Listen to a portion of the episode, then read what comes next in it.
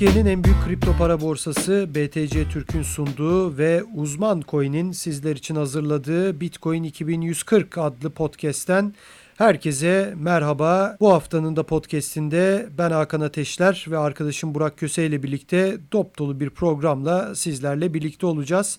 Bitcoin'i konuşacağız, fiyata değineceğiz, haberleri konuşacağız ve Bitcoin'in hayatımıza neler getirebileceğini, avantajlarını, hatta Bitcoin'in dezavantajları olduğunu iddia eden kişilerin iddialarına da değineceğiz. Doğru mu değil mi? Bu dezavantajlar var mı mesela dolandırıcılık konusuna değineceğiz. Birçok bu anlamda olumsuz ama doğru olmayan efsaneyi sizlere doğrularıyla birlikte anlatacağız. Ama ilk olarak Burak Köse'ye de hoş geldin diyelim. Burak selam. Hoş bulduk Hakan nasılsın? Sağ ol teşekkür ederim. Seni sormalı. Ben de iyiyim sağ ol. Evet istiyorsan e, artık her program bir ritüel gibi oldu ama e, gerçekten bu konudaki en önemli e, nasıl diyelim başlıklardan bir tanesi belki en önemlisi fiyat. Şimdi her hafta aslında aynı şekilde giriş yapmak zorunda kalıyorum ama hemen sana sorayım. Yine bir hafta daha geçti son podcast'ten ve yine fiyatta çok büyük bir oynama yok. Yani geçen hafta podcast'imizi yaptıktan sonra bir zannediyorum bir düşüş geldi. 8000 900'ler civarı ama sonra yine oradan da sert şekilde dönüp 9200 9300'e gittik. Ee, neler söyleyeceksin? Yani yaklaşık bir, bir buçuk aydır aynı yerde sıkışmış durumdayız. Bu neye işaret ediyor sence? Yani özellikle son birkaç haftadır Bitcoin'in bir 9000 dolar seviyelerinde takılıp kaldığını görüyoruz. Yani aslında hani o şey var tırnak içinde mal toplamak diye tabir edilen terim var ya hani bir se- evet. o sessiz alımları yaşıyoruz şu anda. Çünkü bu hafta ile birlikte Bitcoin son 3 haftadır bu hafta işte geçen hafta ondan önceki hafta 8900 9000 dolara dokunup hemen oradan hızlıca bir sıçrama gösterdi. Yani o seviyelerde güçlü bir alım var bu bariz ve Bitcoin'de benim beklentim kısa vade için yine böyle e, yatay seyrine devam edip 9000 dolar seviyelerinde bir süre işlem göreceğini ve işte o az önce bahsettiğim sessiz alımların yine devam edeceğini düşünüyorum. Tabii fiyat konusuna konusunda konuşacaksak bu ara yaşanan önemli bir gelişmeyi not etmek lazım. Hindistan'la Çin arasında tırmanan bir gerilim var.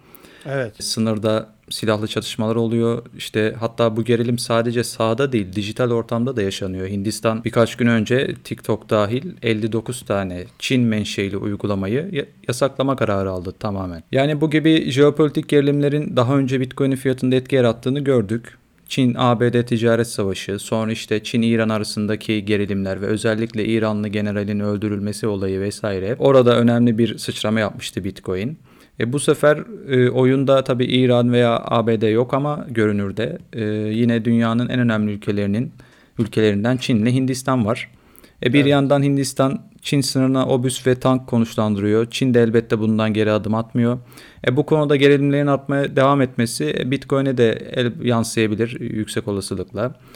E diğer yandan koronavirüste ikinci dalga endişesi henüz geçmiş değil. Hatta bazı e, ABD eyaletlerinde, dünyanın bazı ülkelerinde günlük rekor vaka sayıları gelmeye devam ediyor. Yani bu koronavirüste bağlı olarak ekonomide tekrar bir kapanma ihtimalinin artık zor görüyorum. Fakat piyasaların diken üstünde olduğunu söylemek yerinde olur. O tabii hani Mart ayında yaşanan durum ilk kez yaşandığı için Hı-hı. orada bir belki bir normalde olması gerekenden fazla bir korku oldu. Ya da şöyle diyelim o normal bir korkuysa bile yaşandığı için bundan sonraki olumsuz durumlarda yaşanacak olan korku anlamında ya da e, uygulanacak çözümler anlamında belki e, daha insanoğlu bütün ülkeler ne yapacaklarını bildikleri için ben de senin gibi belki o kadar kötü olmayabilir ama yine de Eylül, Ekim, Kasım ayları için çok ciddi senaryolarda konuşuluyor.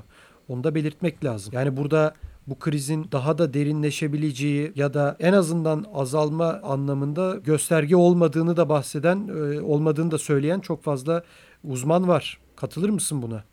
Ya Bitcoin fiyatından bağımsız olarak söylüyorum ama sonuçta mutlaka etkileyecektir bu gidişat. Yani bir kısmına katılıyorum ama bir kısmı için şöyle söyle e, şöyle düşünüyorum. Bunlar e, sanki biraz böyle piyasaları daha böyle ucuzdan toplamak için konuşulan, e, dile getirilen, ama sadece yayılan... Bitcoin fiyatından Hı-hı. bahsetmek istemedim Yok. yani hani Diğer diğer piyasalar için de aynı Anladım. şeyi söylüyorum. Yani evet. Anladım. O, o kokuyu alıyorum sanki bunlardan. Yani bit, Bitcoin 2021'e tabii Bitcoin'e gelecek olursak da tabii böyle senin e, çizdiğin tablo gibi büyük bir kriz ortamı olursa şartlar, koşullar, sonuçlar farklı olur. Ben bunu çok beklemiyorum ancak Bitcoin'in biliyorsun ki halvingden sonra işte 6-7 ay sonrasında özellikle bir çıkış yapma, yapması bekleniyor. Böyle bir geçmişte çok e, benzer örnekler olduğu için. Yani eğer çizdiğin tablo gibi bir durum yaşamazsak 2021 gibi Bitcoin'de belki bu halvingin e, beklediğimiz etkisini de görebiliriz. Peki bu yani ekonomik kriz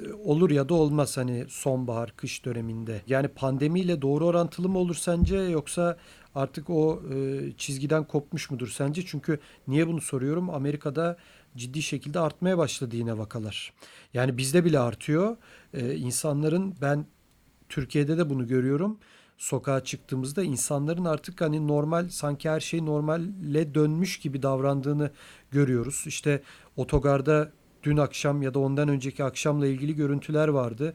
Hani asker uğurlamaları çok ciddi şekilde kalabalıklarla devam ediyor. Sadece tabii asker uğurlaması işin bir kısmı.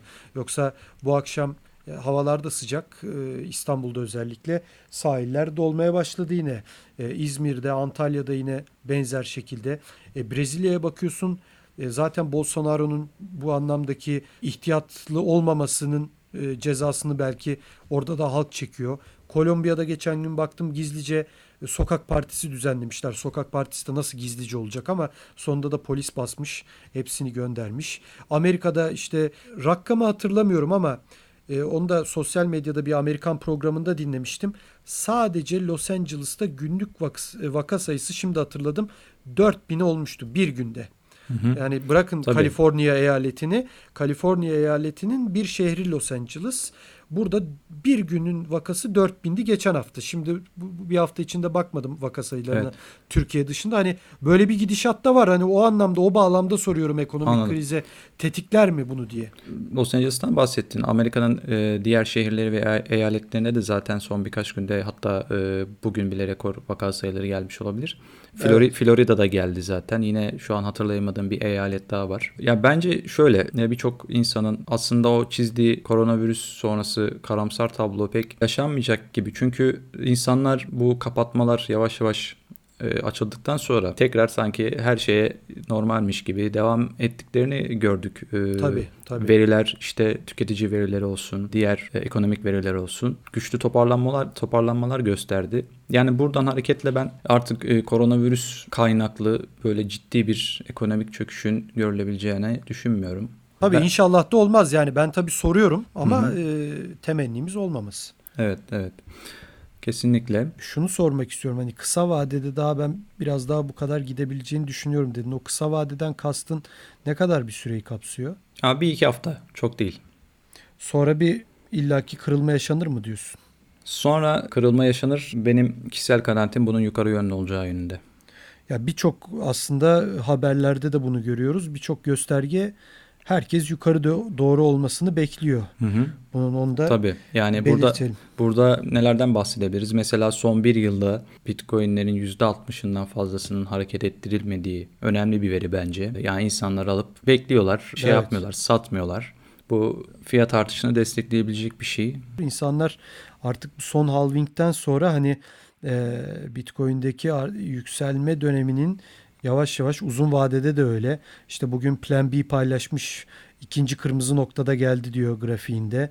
Hani onun kırmızı noktaları hep yükseliş belirttiği için söylüyorum. Hani hep bu söyleniyor. Sürekli hani insanlar al satçılar çok fazla vardı. İşte düştü aldık, işte yükseldi sattık ama al sat olaylarına da Bitcoin'de ciddi şekilde ben e, kalabalıkların artık girmek istemediğini görüyorum. Dediğin gibi e, elinde fazla olan da az olan da aman tutayım e, artık halving de bitti.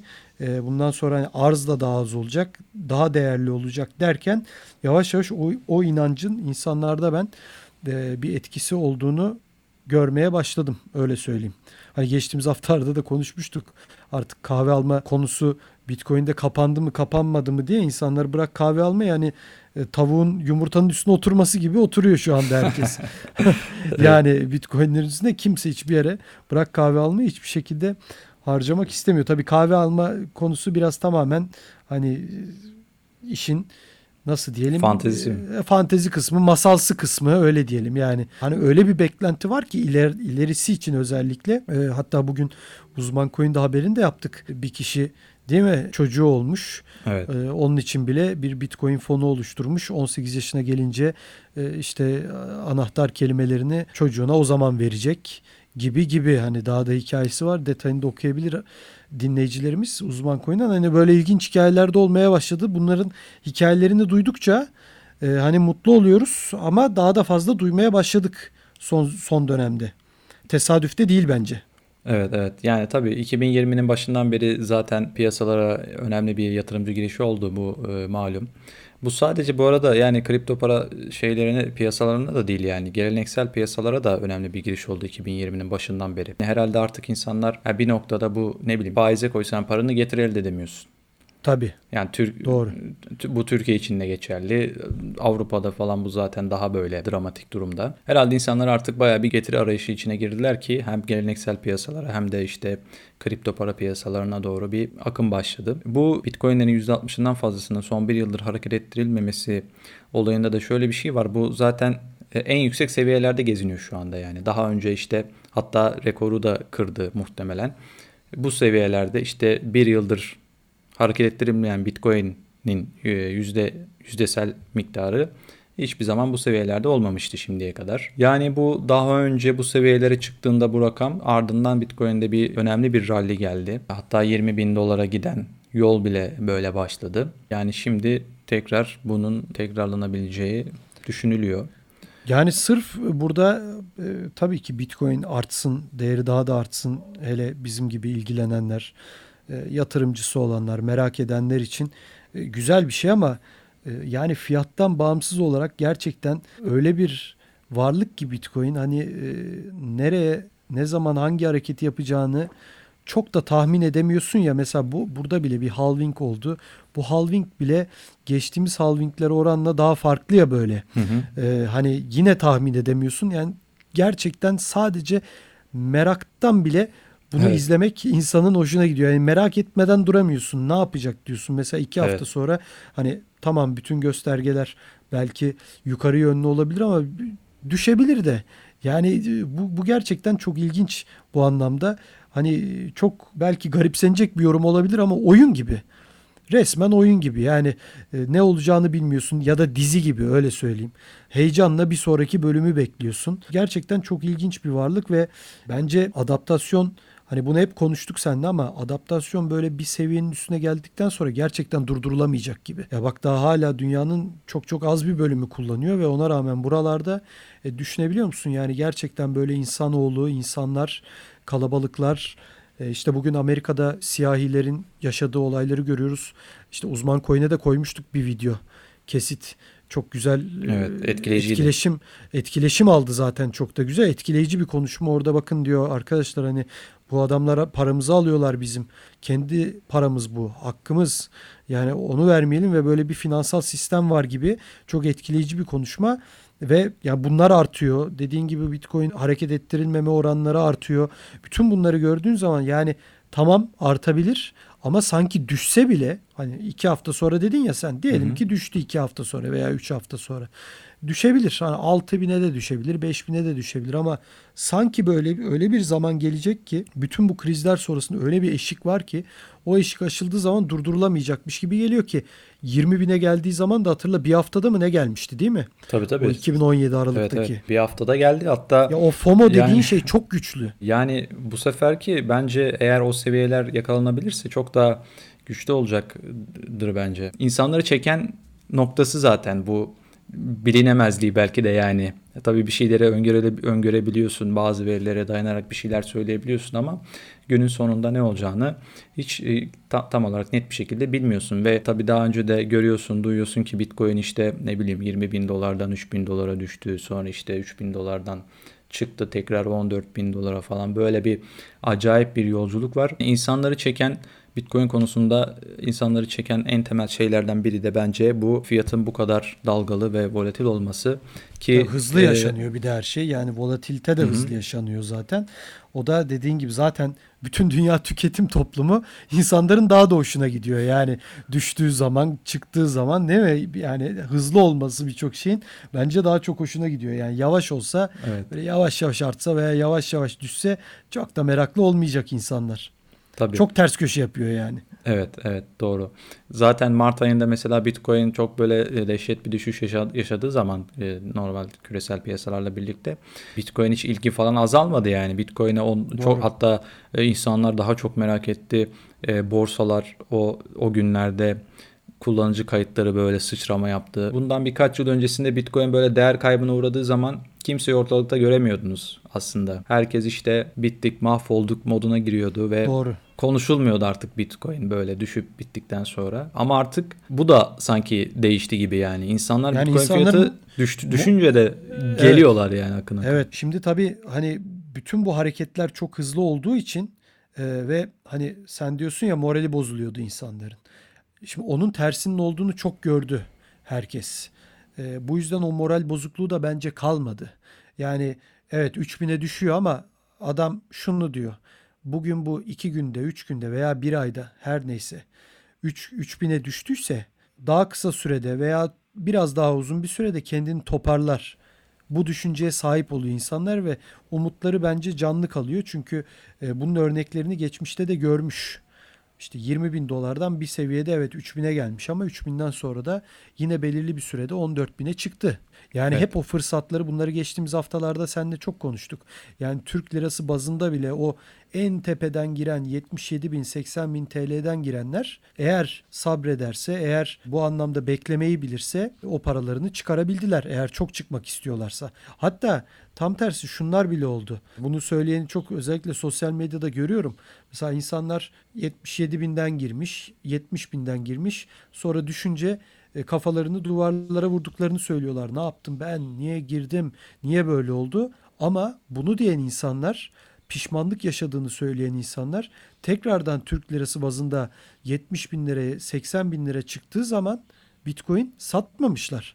Beklemişler mesela. Bu da çok ilginç. Yani sen kafanı duvarlara vurdun ama ondan sonra sana tekrardan al buyur ben yine geldim 77 bine 80 bine buyur paranı kurtar tırnak içinde. Fırsatını verdiği zaman Bitcoin o insanlar satmamışlar. Çünkü o zaman yine umutları canlandı. evet, evet. Daha da yükselir diye. Yani böyle çok ilginç de bir ironi veya ikilem söz konusu. Evet evet. Ya işte burada biraz böyle stratejiyi iyi belirlemek ve psikoloji yönetimini falan da iyi yapmak lazım. Tabii. O işin ayrı konusu ama hani e, o fırsatı veriyor sana. Evet. Her zaman düşüyor. Bakıyorsun öbür taraftan yükseliyor ve paranı tırnak içinde yine söylüyorum kurtarma fırsatı veriyor ki şu da var. Bitcoin düşsün de daha çok alayım diyen bir kitle de var. Yani sadece Türklerden bahsetmiyorum. Ee, her ay veya düzenli olarak belirli bir periyotta Bitcoin alıyor. Tamam ama küçük küçük de dolar alıyor. Eğer düşerse fırsat olduğu zaman birikmiş o dolar paritesinden Bitcoin alayım da düşükten almış olayım ben de. Bunu diyen de çok var. Tabii. Yani tabii şeyler de var. Sürekli günlük alım satım yapan traderlar. Ha, tabii tabii tabii. Hatta bazıları var ki e, herhangi bir şekilde dolara geçiş yapmıyor ve sürekli Bitcoin adedini artırmayı hedefliyor. Yani sürekli kaç olursa olsun alıyor tabii, tabii. Tabii kaç olursa olsun e, Bitcoin adedini artırmak için hamleler yapıyor. Tamamen inanıyor yani. Bitcoin bir gün evet. şu seviyeye gelecek ve ben orada bozacağım ve sürekli Bitcoin'de olacağım gibi bir stratejiyle ilerliyor. Tabii ya da bozma e, tabii bozmayı yani. düşünmeyeceğin evet, bile bir seviyeye evet, gelecek. Tabii, hani herkes tabii, o kadar kullanacak ki bozmaya gerek bile kalmayacak. En değerli varlık zaten o olacak. Derken yavaş yavaş o zaman e, fiyat konusunda söyleyeceğin başka bir şey yoksa asıl konumuza girelim. Girelim. Yani bu kadar diyoruz ya Bitcoin işte öyle bir yere gelecek ki artık şuradan bozacağım veya bozmaya gerek bile kalmayacak ama bu anlamda birçok efsane de var. Hem olumlu var hem olumsuz var. Çok abartılı konular da var. Hala bu anlamda tam güvenmeyen de bir kitle var büyük de bir kitle. Yine ciddi anlamda kafasında soru işareti olan. Bence sayısı azaldı dolandırıcılık diyenin artık ama dolandırıcılık olmadığını çünkü çok basit argümanlarla ortaya koyabiliyorsun. Şu da var. İşte yeni bir Bitcoin çıkar. Daha iyisi çıkar. Ee, başka bir altcoin çıkar yeni bitcoin olur. Bitcoin'in değeri azalır. Bu tür konular da var. E, bu tür efsaneler de var. Ama istiyorsan yavaştan bir dolandırıcılık konusuyla başlayalım. E, ben senin fikrini biliyorum. Sen de benimkini biliyorsun ama yine de sorayım. Gazetecilik kökenliyiz ikimiz de. Sorayım. Bitcoin sence dolandırıcılık mı?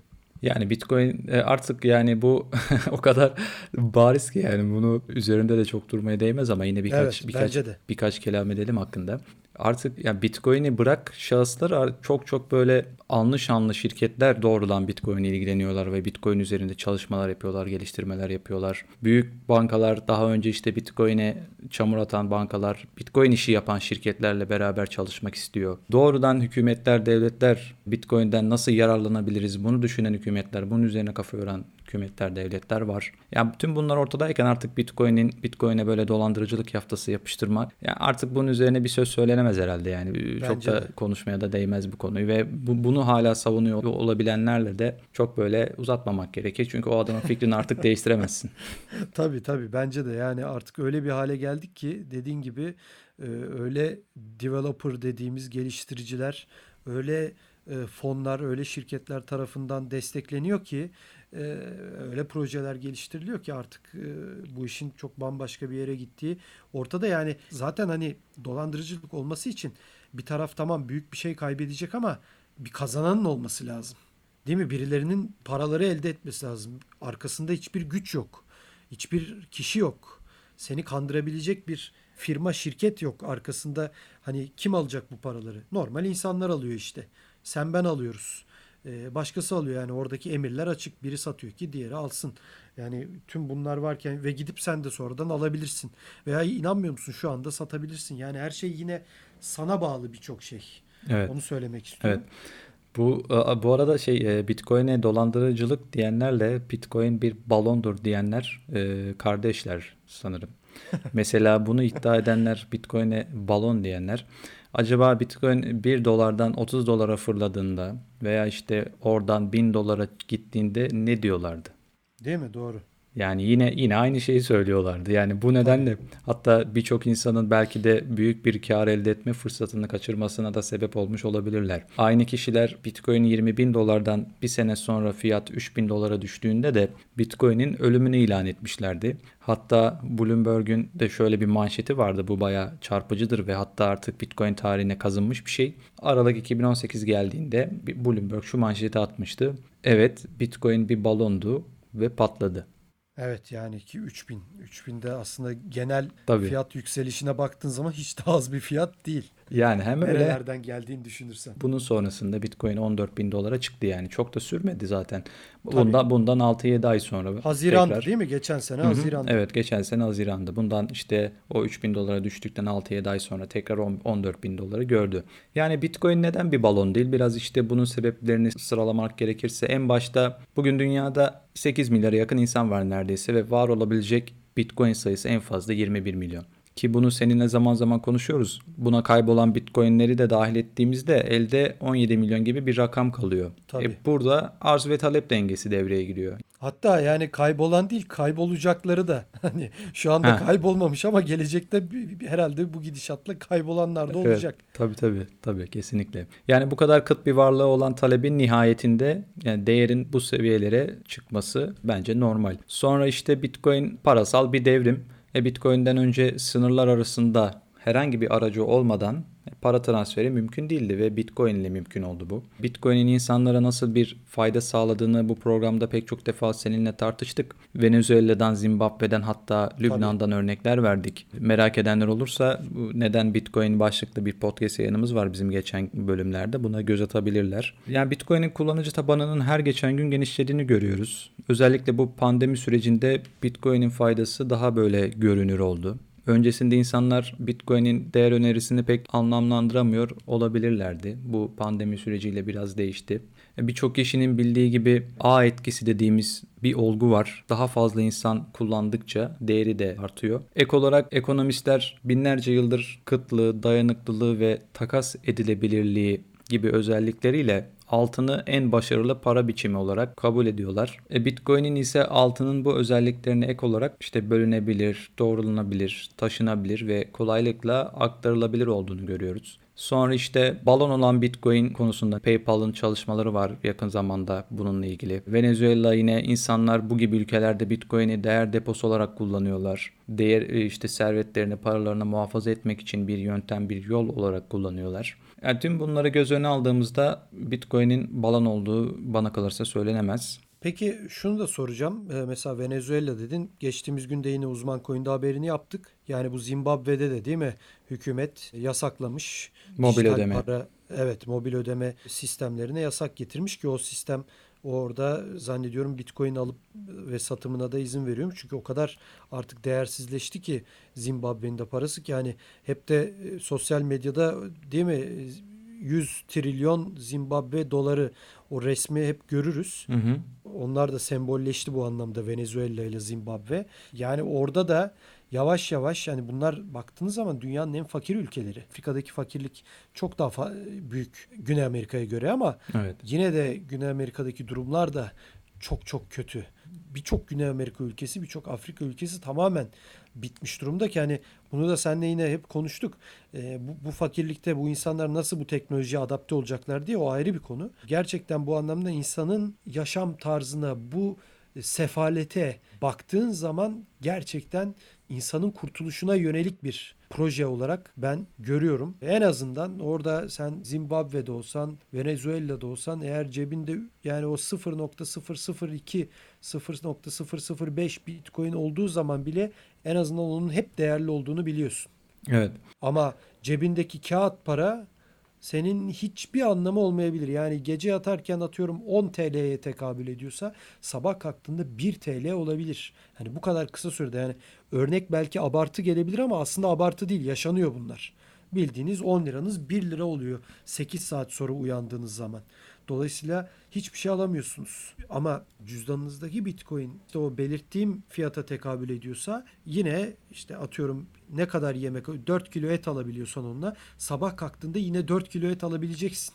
Evet. Bu, bu çok önemli bence. En azından o zenginliği korumuş oluyorsun. Evet evet zaten şöyle de bir durum var. Bitcoin'e böyle yıldan yıla en düşük fiyatlarına baktığın zaman orada e, aslında biraz işte bakış açısını değiştirdiğimiz zaman ve farklı bir perspektiften baktığımız zaman Bitcoin'in her yıl en düşük fiyat seviyesinin bir önceki yıldan çok daha yukarıda olduğunu görebilirsiniz. Evet. Bu arada bu Venezuela ve Zimbabwe'den çok konuşuyoruz. Bu bunlarla ilgili biz aslında ayrı bölümler de çekeceğiz. Doğrudan böyle ben mesela çok merak ediyorum yani Venezuela'dan doğrudan bu olayların tanıkları, Venezuela'da Bitcoin kullanan insanlar, Bitcoin onların sosyal yaşamlarına, günlük hayatlarına nasıl etki ediyor? Nasıl fayda sağlıyorlar? Bunları konuşacağımız bölümler olacak ve doğrudan işte Venezuelalı konuklarımız olacak. Belki dünyanın başka bir yerinden başka konuklar da alabiliriz. Bu konuları doğrudan tanıyla konuşacağız. İlerleyen ilerleyen bölümlerde bunun da buradan haberini vermek isterim. Bence de bizim de çok şey öğreneceğimiz çok güzel podcastlar olacaktır diye düşünüyorum.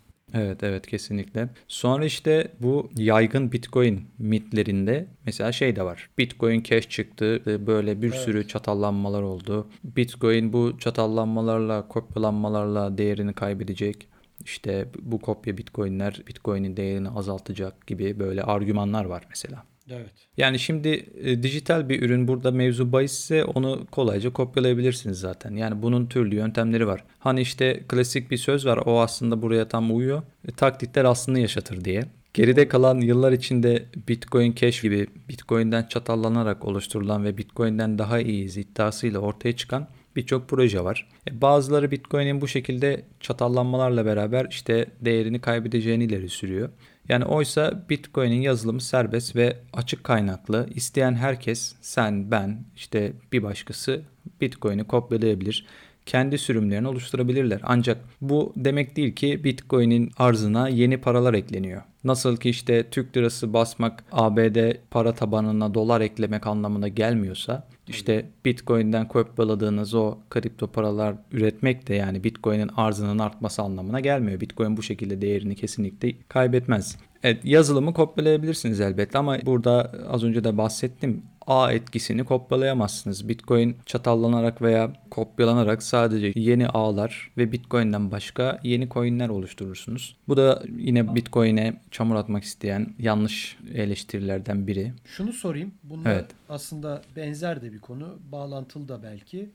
Ee, şimdi hani Bitcoin SV'de aslında hani çok da takdir edilecek bir yanı da yok.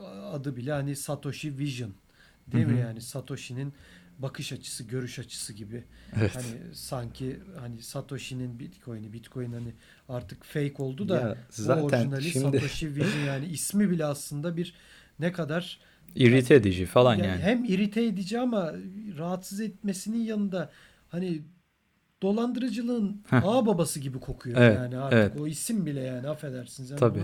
söylemek aslında bize yakışmıyor burada ama yani çok belli ediyor kendini açıkçası. Onu da söylemek istedim. İçimde kalmıştı. Hem öyle hem de başındaki böyle e, ona liderlik eden Craig Wright değil mi? o var. İşte başka onun yakın bir arkadaşı daha var. Bu insanlar da çok böyle güvenilir insanlar olduğunu sanmıyorum ben açıkçası kişisel kanaatim Yani işte bu o şekilde. da bir çıkıyor, konuşuyor, e, satarım diyor bütün bitcoinlerimi. E, satıyorsan sat. E, sat da başkası alsın. Yine aynı yere yükselir bitcoin. Be- Benim şahsi fikrim bu. Evet. O kadar bir güven var bence. İşte ben Satoshi'yim diyor. Değil mi? Bunu da söylüyor. Hı hı. E, yani Satoshi benim diyor daha doğrusu. Ona tabii. Evet evet. Hani böyle Yani ilginç ilginç bir karakter. o e, Satoshi Satoshi benim iddiası artık zaten kimse inanmıyordu ama böyle çürütüldü yani. Çünkü mesela yakın zamanda Craig Wright'ın bunlar benim adreslerim dediği, öne sürdüğü bazı adresler vardı ve yıllardır işte 2009-2010 yılından beri hiç hareket olmamış adresler. Sonra biri çıktı dedi ki bir işlem yaptı ve tüm bu adreslerle imzaladı. Bu adam yalancı, sahtekar dedi. Bu adreslerin kontrolü onda değil dedi. Kontrolü onda olsaydı zaten bu adresleri imzalar ve işte böyle de bir mesaj ekler ispatlardı. Ama bunu o yapamadı Doğru. yani. Onun da iddiaları bu şekilde tamamen çürütüldü diyebiliriz bence. Şunu soracaktım. Demin hani o Satoshi Vision araya girdi aslında. Şunu da soracağım. Hani taklitleri dedik, kopyaları dedik. Ama bu aslında bir mit değil, bir efsane değil. Yani olabilir de. Neden olmasın? Her şey olabilir. Mantıklı ama hani sonuçta bir, bir sürü altcoin çıkıyor. Bitcoin'in benzerleri de çıkıyor.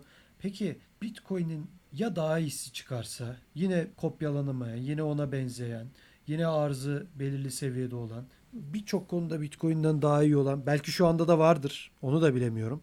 Ee, bir altcoin çıkıp da Bitcoin'in yerini alamaz mı mesela 3 sene sonra, 5 sene sonra, Yani- 6 ay sonra? Burada, burada devreye şey giriyor işte. Bu hash rate dediğimiz e, olgu var ya işte Evet. birçok kripto parada. Hangi ağın daha güvenilir olduğunu belirleyen bir şey aslında bu. Evet. Yani şu an Bitcoin'in yanına yaklaşan yok bu konuda zaten. Bitcoin kadar e, sistemi doğru. güvenilir olan başka bir kripto para yok şu anda. Hatta yani Bitcoin'in ilk olmasının etkisi burada önemli. Yani Bitcoin piyasanın şu anda artık altını konumunda gibi bir şey. Yani şu anda zaten Bitcoin'den daha verimli teknolojik anlamda şeyler var elbette. Ama bunların bir kere kurucusu belli, co-founder'ı var, ne Doğru. bileyim belki CEO'su var. Hepsinin Şirket bir yani arkasında bir sonuçta. tabii tabii yani şirket dediğin gibi. Bir kişinin nasıl diyelim inisiyatifine bağlı birçok şey. Tabii tabii yani. Yani Bitcoin'in en büyük değer önerilerinden biri zaten arkasında hiçbir kimsenin olmaması yani. Kim üretti, kim yarattı bunu bilmiyoruz. Ama diğer kripto paraların hepsinde kimin ne yaptığı belli zaten yani. E, Arkasında kim Hayır ama yani sorumda şu da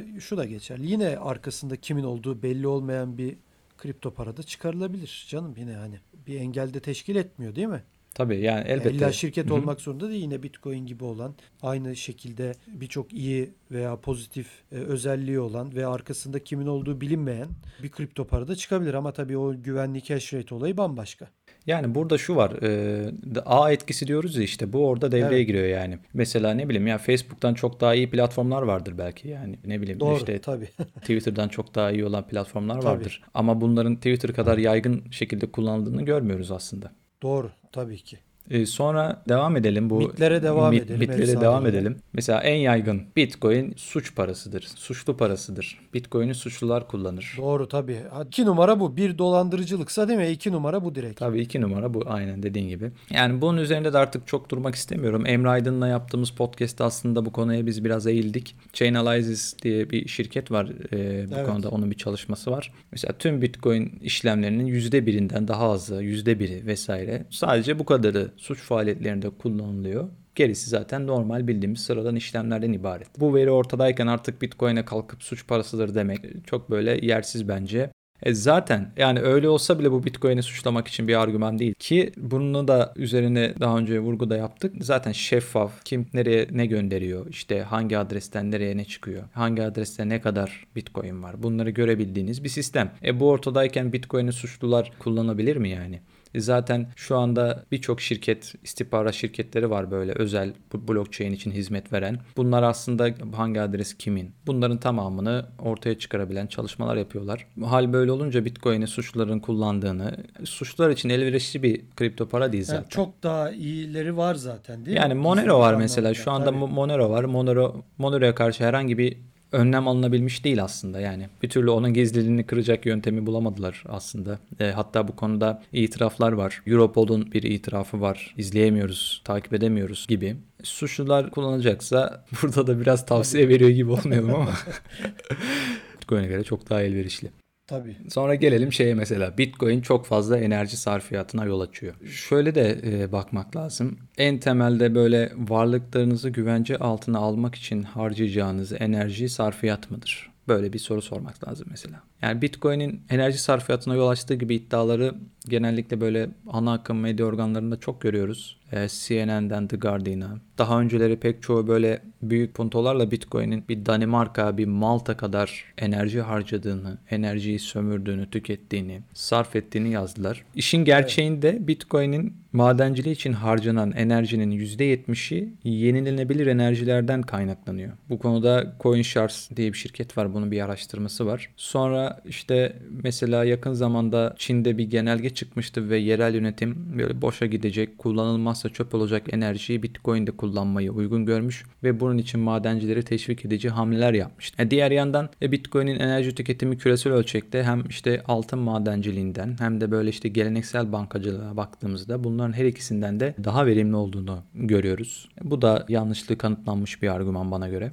Şimdi Bitcoin çok volatil olduğundan uzak durmaya çağıran birçok insan var. Bitcoin çok volatil, uzak Doğru. durun. İşte kaybedebilirsiniz bütün Tabii. paranızı. Ya ki bunun örnekleri de var açıkçası. Yani bence burada yine bu yasa dışı aktiviteler konusuyla benzer bir konu. Aynı kapıya hı hı. çıkıyor diye düşünüyorum.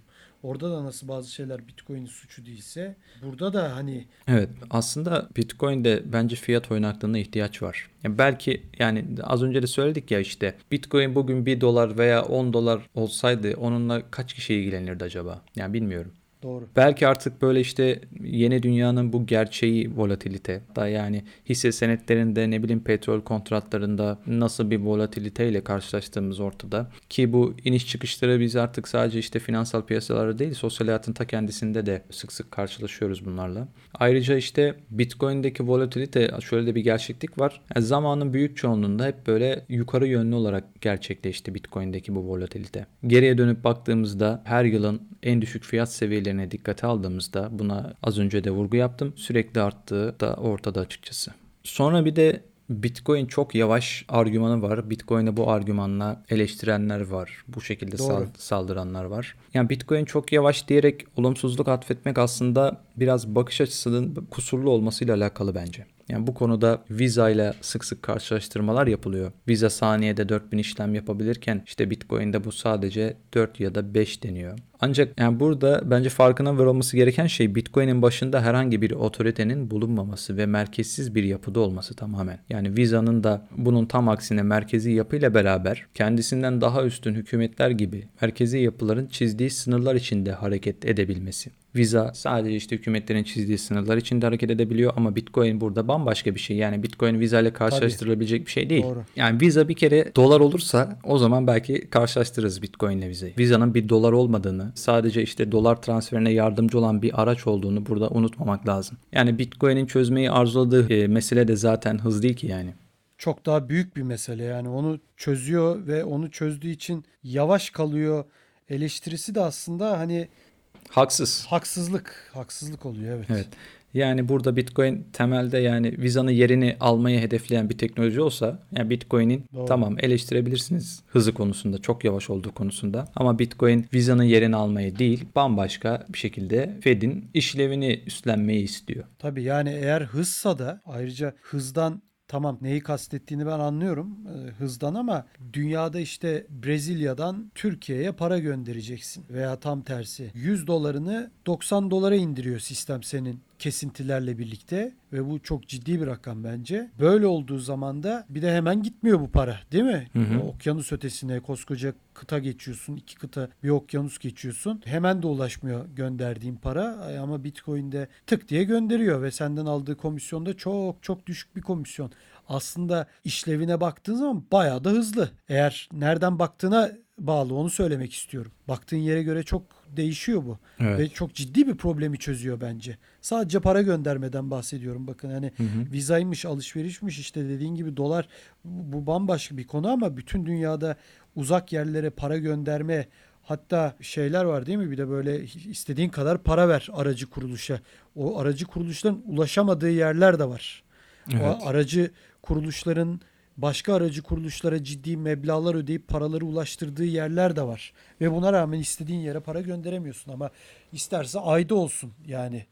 Abartı bir örnek. Ayda olursa gönderebilir misin? Bilmiyorum ama yani e, bir o kaldı. Yani onu da yapacak Bitcoin. İsterse yavaş göndersin abi aya. Ay'a bilmiyorum ama e, uzaya gönderebiliyorsun zaten yani. Ha işte doğru. Yani yoksa yavaş veya değil. Sen marka adı vermek de istemiyorum ama o kuruluşlarla, aracı kuruluşlarla, aracının aracısı kuruluşlarla bayağı zorlanırken ve çok ciddi meblağlar 100 dolar göndereceksin. 95'e, 90'a, 85'e düşüyor para. Belki çok daha fazlası gönderdiğinde. Ama Bitcoin'de bunu çok çok daha azı var ve her yere gönderebiliyorsun her şekilde. Gece Evet. gündüz hafta sonu olmadan. Bu bence çok önemli ve bayağı da hızlı baktığında. Evet evet doğru diyorsun. Yani özetle Bitcoin eğer bir karşılaştırma yapılacak olursa bence buradaki karşılaştırma Fed'le yapılmalı. Tabii Avrupa ki. Merkez Bankası ile yapılmalı. Bu bunlarla karşılaştırabilirsiniz. Ee, ama yani Bitcoin'i tutup da Visa ile karşılaştırmak bence absürt bir durum. Bir de Bitcoin'in anonim olduğunu zanneden insanlar da var elbette. E bunu zaten tartıştık. Son olarak bundan bahsedecektim. Yani Bitcoin anonim değil. Bitcoin'de işlemler gerektiğinde izlenebiliyor. Hatta bugün yani Bitcoin'i geçtik. İşte gizlilik odaklı dediğimiz Zcash, Horizon var mesela. Bunları izlemek için araçlar geliştirilmiş durumda. Bunlar da izlenebiliyor mesela. Monero için henüz bu başarılamadı ancak geçtiğimiz günlerde aslında böyle bir iddia ortaya atıldı. Monero'nun da izlenebileceği yönünde. Bitcoin'de gizliliği artırmak için çalışmalar var. Belki önümüzdeki haftalardaki podcastlerde bunlara da değiniriz. 2020'de Bitcoin'e bekleyen önemli geliştirmeler olacak. Yani belki bu çalışmalar ilerledikçe Bitcoin'in gerçek bir anonimliğinden söz edilebilir. Peki sen bu işin neresindesin? Yani hani Bitcoin özelinde sormuyorum ama mesela Monero'ya baktığın zaman hani gizlilik odaklı diyoruz.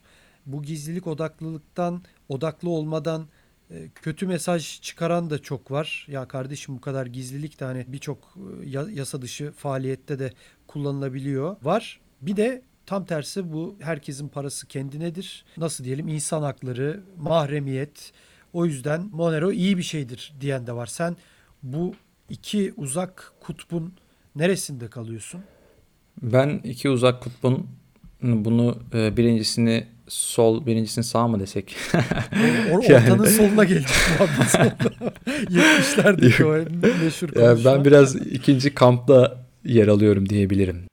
Evet. Ben de öyle canım tabii. Bitcoin'de bence anonimlik önemli ama geldiğimiz bu noktada Bitcoin'in Bitcoin'e anonim diyemeyiz. Bu arada bu hız konusunda bir şey diyecektim. Şu anda aklıma geldi. Yani Evet. şu an mesela tamam diyoruz Bitcoin çok yavaş işte vesaire argümanlar var. Hani bu bun- bunlar işte bu az önce bahsettiğimiz bakış açısı nedeniyle haksız argümanlar ama tabii ki bu hız konusu böyle ikinci katman çözümlerle ne bileyim birçok geliştirme yapılıyor bunun için. İşte Ya ne- doğru. mesela Lightning diyorsun mi? Lightning Network var. Onun dışında işte başka şirketlerin Bitcoin'de hızlı transferi mümkün kılmak için yaptığı çalışmalar var. Yani böyle çalışmalarla beraber bu bu mesele de tamamen Doğru. muhtemelen çözülecektir diye düşünüyorum. Evet yani özellikle doğru onu çok iyi o noktaya parmak bastın. Yani bütün blok zincirdeki işlemlerin onaylanma sırasını beklemeden değil mi? Orada blok zincire bağlı ikinci bir katman oluşturup sadece o kişiler arasındaki kayıtlar nasıl diyelim onaylanıyor ve oradan hızlıca işlem yapılıp ondan sonra blok zincire ekleniyor değil mi? Evet evet.